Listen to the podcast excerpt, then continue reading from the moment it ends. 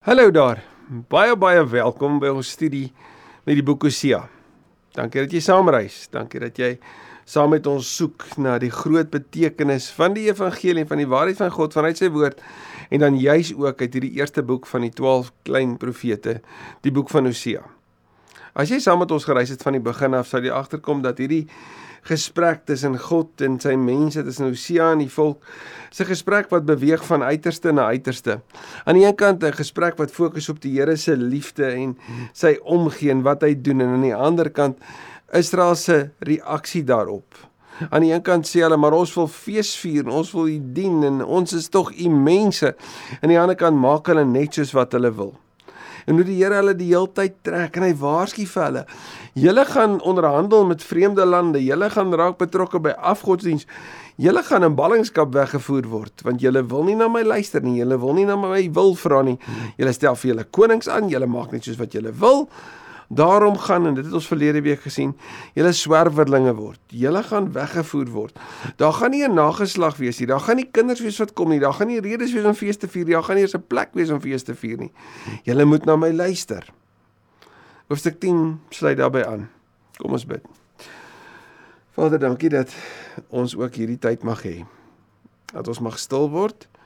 En en ek bid so Here dat in ons nalees ook van vandag se teks U sal kom doen vanuit U woord wat net U kan. Ons kan dit nie doen nie. Ons kan dit nie self in ons lewens aanskakel en afskakel nie. Ons het nodig om oop te wees vir U.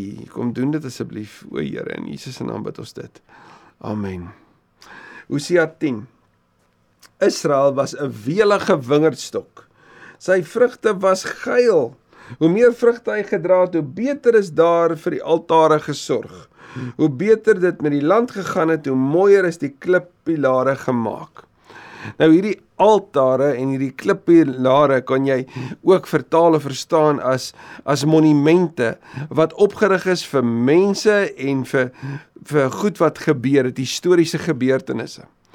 So Israel het hoe meer hoe beter dit met hulle gegaan het, in plaas van om te draai na die Here toe in lof en aanbidding in plaas van om te sê, maar aan U kom toe die eer en die dank, Here, want kyk hoe goed is U vir ons. Hoe kan ons 'n seën wees vir ander? Want dis mos wat die belofte vir Abraham was. Ek gaan jou seën sodat jy seën vir ander kan wees. In plaas daarvan dat hulle hulle seëninge met ander gedeel het en goed was vir mekaar, het hulle dit gedraai na hulle self toe en mense vereer het hulle die omstandighede vereer en klippierare ge, gebou tot tot hulle eie erkenning en in die, die die nadink van hulle self in plaas van om die Here om vir Jahwe te eer. Gaan kyk maar na 2 Samuel 18 vers 18 meer hieroor. Hulle is vals wanneer hulle hulle sonde bely. Hulle is vals wanneer hulle sonde bely. So die Here sê kyk na jou hart en ek hoor Israel ek hoor dat wanneer jy sê dat jy jammer is, wanneer jy jou offers bring en daarmee kom verklaar ek is jammer Here dat jy dit nie regtig bedoel nie. Dat daar nie berou is nie. Maar die Here sal hulle altare afbreek. Hy sal hulle klippilare verwoes. So dit waarop hulle fokus, gaan hy wegneem. Natuurlik 'n beskrywing van van dit wat voor lê, naamlik dat daar oorlog ook sal wees wat hierdie sal verwoes. Hulle sê ons het nie 'n koning nie, want ons het nie die Here gedien nie. Maar wat sou 'n koning in elk geval vir ons kon doen? So hulle erken aan die een kant ons het weggedraai van die Here af. Ons het nie gedoen wat ons moes nie. Maar nou is ons weggevoer. Ons is oorgeneem. En nou is ons in die moeilikheid. Wat sal 'n koning ons tog enigstens mee kon help? En hierdie konings wat met staatgreep op staatgreep op staatgreep oorgeneem is deur mekaar en en hoe elke volgende koning gaan gaan onderhandel het met met 'n ander land kon toe uiteindelik niks doen nie. sien die probleem was Israel het hulle fokus op mense geplaas en was van mense afhanklik en het hulle hulp en hulle hoop op mense geplaas en nie op die Here nie. En nou sit hulle in ballingskap. Dis 'n die vooruitvertelling van van Hosea van wat gebeur. Uiteindelik om te sê maar 'n mens sê jou nie uit kan red nie hulle praat net Hulle maak vals beloftes. Hulle sluit verdrae. Om te sê hulle gaan van die een land na die ander land, hulle sluit verdrae, hulle probeer ooreenkom. Ja, ons sal hierdie vir julle doen. Dit is ook so net dat wanneer ons in die knyp is, is ons nogal bereid om baie maklik beloftes te maak. Ons bargain met die Here. Here, as U hiermee vir my help, dan sal ek dit en dit en dit doen. En sodra daar uitkoms is, dan vergeet ek so maklik van wat die Here vir my gedoen het, van die uitkoms wat gebeur het. En lyk dit amper of ek vals was. En ek kon so opreg in die oomblik gewees het toe ek toe ek dit beloof het, maar was ek regtig ernstig? En het ek deurgeswaai op my beloftes, op my woorde? En intussen is hulle regspraak soos gifplante wat in die fore langs die land groei. Daarin kom staan dat wanneer daar fore gegroei is om om te kan plant met die saad wat hulle sou saai om oes te op te bring, is dit wat langs die kant van die fore opkom is gifplante. Gifplante wat in vlak grond sou sou groei en waarvan die saad sommer vrylik deur die wind versprei was. Gifplante wat die oes sou belemmer sou benadeel en dit wat moes lewe bring is nou toksies en dodelik. Wanneer Samaria verwoes word, sal sy koning meegesleer word soos 'n stuk dryfhout op die aarde. So Israel wat wat hulle self ehm um, op God moes vertrou, skus, dit was vers 7, het nou op die Here het het nou op hulle self vertrou. Vers 5 sê die inwoners van Samaria is bekommerd oor die goue kalf van Bet Aven Sy vereerders treur oor hom en sy priesters kerm oor hom. Hulle kerm oor sy rykdom wat van hom weggeneem is. Nou Betawen weet ons is is 'n tragiese beskrywing van Betel. Betel wat die plek was van aanbidding, die plek van ontmoeting tussen Jakob en die Here. Betel wat letterlik staan vir die huis van God. Hosea gebruik hierdie woord Bet Aven wat wat in die Hebreëus beskryf kan word as die huis van skandelikheid. Wat die huis van God was, het die huis van skandelikheid geword. Want sien daar by Bet Aven het het Israel die goue kalf aanbid. Man menslike hande werk. Dit herinner so aan aan Exodus, nê? Nee? hierdie goue kalf wat deur mense gemaak is, wat deur mense vereer is. So asof die mensdom net nie verlief kan neem en tevrede kan wees met die aanbidding van die Here wat hulle nie op 'n manier kan vasgryp of in 'n vorm kan giet of op 'n manier beheer oor kan hê nie. Maar hy's God, nie 'n mens nie. Hy verdien die eer. En nou sien ons dat die Here sê, maar maar daar gaan moeilikheid kom. Want hierdie gaan weggeneem kan word en die priesters van hierdie afgodsdiens gaan kerm daaroor want wat hulle beskou het as hulle rykdom gaan weggeneem word wanneer hulle in slawerny weggevoer word. Vers 6. Maar hy gaan self ook nog na Assirië toe gevat word as 'n geskenk vir koning Jareb. Efraim sal teleurgestel word. Israel sal daar bedroog van afkom met sy planne en al. En daar is historiese gegevens wat wys hoe toe Assirië Israel inneem, het hulle van die afgode van van Israel saam met hulle geneem. Hulle het dit geneem as buit. En nou word dit wat Israel vir hulle self gemaak het om te aanbid in plaas van die Here word nou weggevat as 'n geskenk vir die koning van die van die vreemde land waarheen hulle weggevoer word. In 'n kort, hulle pluk die vrugte en dan vers 7. Wanneer Samaria verwoes word, sal sy koning meegesleer word soos 'n stuk dryfhout op die water. So nie net word sy afgode weggevat nie, maar sy koning word gesleep soos 'n dryfhout op die water. Hy het geen krag nie, geen mag nie, geen posisie nie. Vers 8. Die hoogtes waar Israel gesondig en oortree het, sal woes word. Die hoogtes is natuurlik daar op die op die hoogtes waar hulle altare gebou het om die afgode te vereer. Die Here sê ek gaan dit verwoes. Dorings en bossies sal groei waar die altare gestaan het. 'n Beskrywing van totale verwoesting wat wat wag.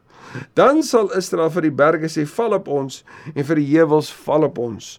Net soos wat in Openbaring gesê word, dan kom daar 'n plek waar jy sê daar waar die plekke was waar aanbid was, waar jy offers gebring het, waar jy gedink het jy veilig was. Jy sal vra laat dit liewer op ons val want wat nou gebeur is net te erg. Die sonde van Israel kom in die tyd van Gebia. Hulle het daarmee volhard. Nou Gebia natuurlik die plek waar al hierdie hierdie staatsgrepe gebeur het waar die een koning die ander koning oorgevat het waar daar nie gebid was Here red ons Here help ons Here wat is u wil nie? Waar hulle net gedoen het wat hulle wou. Die oorlog teen hierdie opstandige volk sal hulle in Gebea tref. En dis die ironie. Hierdie plek waar hulle mekaar oorgeneem het is ook die plek waar hulle oorgeneem word deur die vreemde Assiriërs. Ek het besluit ek sal hulle straf So die tyd het aangebreek en jy kan in 2 Konings 18 dit gaan lees. sien Jakobus 2 vers 13 praat ook van dat daar onbarmhartigheid sal wees teenoor hulle wat onbarmhartig optree.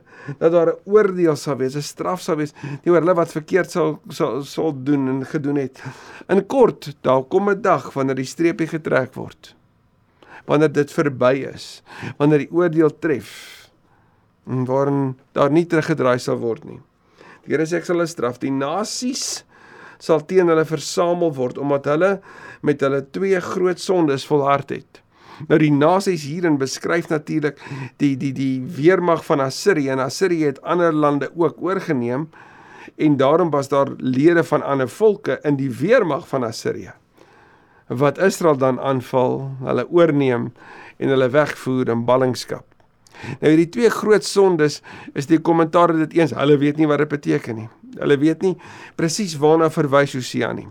Maar kom ons kyk uit die konteks wat kan ons weet. Aan die een kant weet ons die Here beskryf Israel as 'n slegte vrou sodat dit te doen met ontrouheid en dis afgodsdiens. Die groot sonde om nie die Here jou God lief te hê nie, maar om vir jou 'n afgod te maak en dit te aanbid. So ontrouheid en twee ongehoorsaamheid. Hulle het nie gevra na die wil van die Here nie. Hulle het gemaak soos hulle wil. Hulle het vir hulle konings aangestel. Hulle het gaan raad vra by die vreemde konings van die lande om hulle in plaas om vir hulle koning wat hulle as koning moes erken om vir hom te vra wat sy wil is. Sodat hulle lewens en hulle weet ehm um, het hulle op hulle self voorvertrou. Die voorsiening het hulle op hulle self voorvertrou en hulle selfs Baal aanbid. So ontrouheid en ongehoorsaamheid sal waarskynlik 'n baie goeie aanduiding wees van die twee sondes waarna Hosea hier verwys. Efraim was 'n mak vers wat daarvan gehou het om graag uit te om graan uit te trap. Toe ek sien dat sy reeds sterk genoeg is, wou ek haar inspann. Juda sou ploeg en Jakob sou eg. Wat sê die Here? Hulle sou saamwerk. Dit was my plan gewees. Ek het gesê saai volgens my wil en julle sal my liefde oes. Hierdie klink soos 'n pa, nê, nee, wat sê onthou wat ek vir julle gesê het. Ek wil julle terugneem. Ek het gesê saai volgens my wil en weet julle wat sou julle oes? Liefde. Dit sou met julle goed gaan om volgens my wil te saai as jy die Hebreëus direk sou vertaal staan daar in proportion to my mercy. Met ander woorde nie soos wat julle wil nie, maar saai volgens my wil. Saai met genade met hierdie gesed, nê? Nee bloeg vir julle 'n nuwe land. Dis nou die tyd om na my wil te vra sodat ek kan kom en weldade oor julle uitgiet en ons is mense wat wat baie gemaksigtig is. Ons hou van voorspoed. Ons hou daarvan dat dit lekker gaan, dat dit rustig gaan, dat die toekoms vas en seker is. Ons hou van die bekende en ons hou daarvan om dit op ons manier te doen. So wanneer Israel hoor dat die Here sê, "Maar saai volgens my wil en ek gaan julle seën. Ek gaan die sluise van die hemel oopmaak en ek gaan oor julle laat reën." Het hulle natuurlik gehoor, "Ons ons ons ons ons. Hierdie kan net oor ons gaan." En toe maak hulle dit net oor hulle self en nie oor die Here en wat hy daarmee wou doen nie. Maar julle het sonde geïngeploeg. Dis van my hele gewerk het in plaas om met my wil en om liefde te oes het julle sonde ingeploeg en julle het vyandskap geoes julle die vrug van julle valsheid geëet. Wat jy gesaai het, sal jy maai. Omdat jy vertrou op jou eie planne en op jou en jou, jou baie soldate, sal oorlog teen jou volk losbreek en sal al jou vestingstede verwoes word. Omdat jy vertrou het op jou eie vermoëns, sal jy ook daarin in gebreke bly. Sal jy ook daarin verlies beleef. Die tyd is verby, hierdie lê nou voor, sê die Here jou trots gaan jy moet sluk. So Salman vir Bet Arbel verwoes het, toe moeders en kinders saam in die veldslag verpletter is. Nou Salman verwys natuurlik na Salman Salmaneser, die koning van Assirië wat ingeval het en oorgeneem het.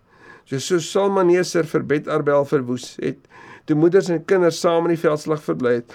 So sal hy met julle maak en hier's die hartseer in Betel oor julle afskuwelike sonde. En dis nie verniet dat die woord Betel en afskuwelike sonde so langs mekaar staan nie. Want in die plek wat toegewy was en gewy was aan die Here, die Betel, die huis van God, het die afskuwelike sondes plaasgevind en gefloreer. Met die eerste lig sal die koning van Israel al dood wees. So teen vroegoggend. So om te sê dat wanneer die nuwe dag breek, is die hartseer hier. En ek en jy kan tog nie anders as om onsself te vra maar Here, hoekom het hulle nie geluister nie? Hoekom het hulle nie gehoor nie? U waarsku en u waarsku en u sê dis nou verby. Het u opgegee op hulle? As jy wou weet of die Here opgegee het, skakel asseblief volgende keer weer in want ons reis verder en dalk is daar 'n antwoord vir jou en my. Dankie Here dat dat ons vanuit u woord u omgee, u deernis, u beloftes voor die tyd van seën en saam wees dat u dit gegee het, maar dat u ook aan die ander kant toe daar teen u gedraai is, nie apaties gestaan het of verdwyn het nie. Dat u dit gesien het en dat u dit aangespreek het, maar ook so in ons lewe. Dat u nie verdwyn wanneer ons droog maak nie, maar dat u dit aanspreek met waarheid en genade. Mag ons ook op u woord in gehoorsaamheid reageer. In Jesus se naam. Amen. Ek hoop jy het 'n mooi week. Weet asseblief hierdie notas is beskikbaar. En weet ook dat as jy gebed nodig het, ons wil saam met jou bid. Dalk is daar 'n plek in jou lewe waar jy sê maar ek moet terugkeer. Ek moet die stem van die Here regtig hoor en gehoorsaam op reageer. Asseblief, ons wil graag saam met jou bid. Mooi dag.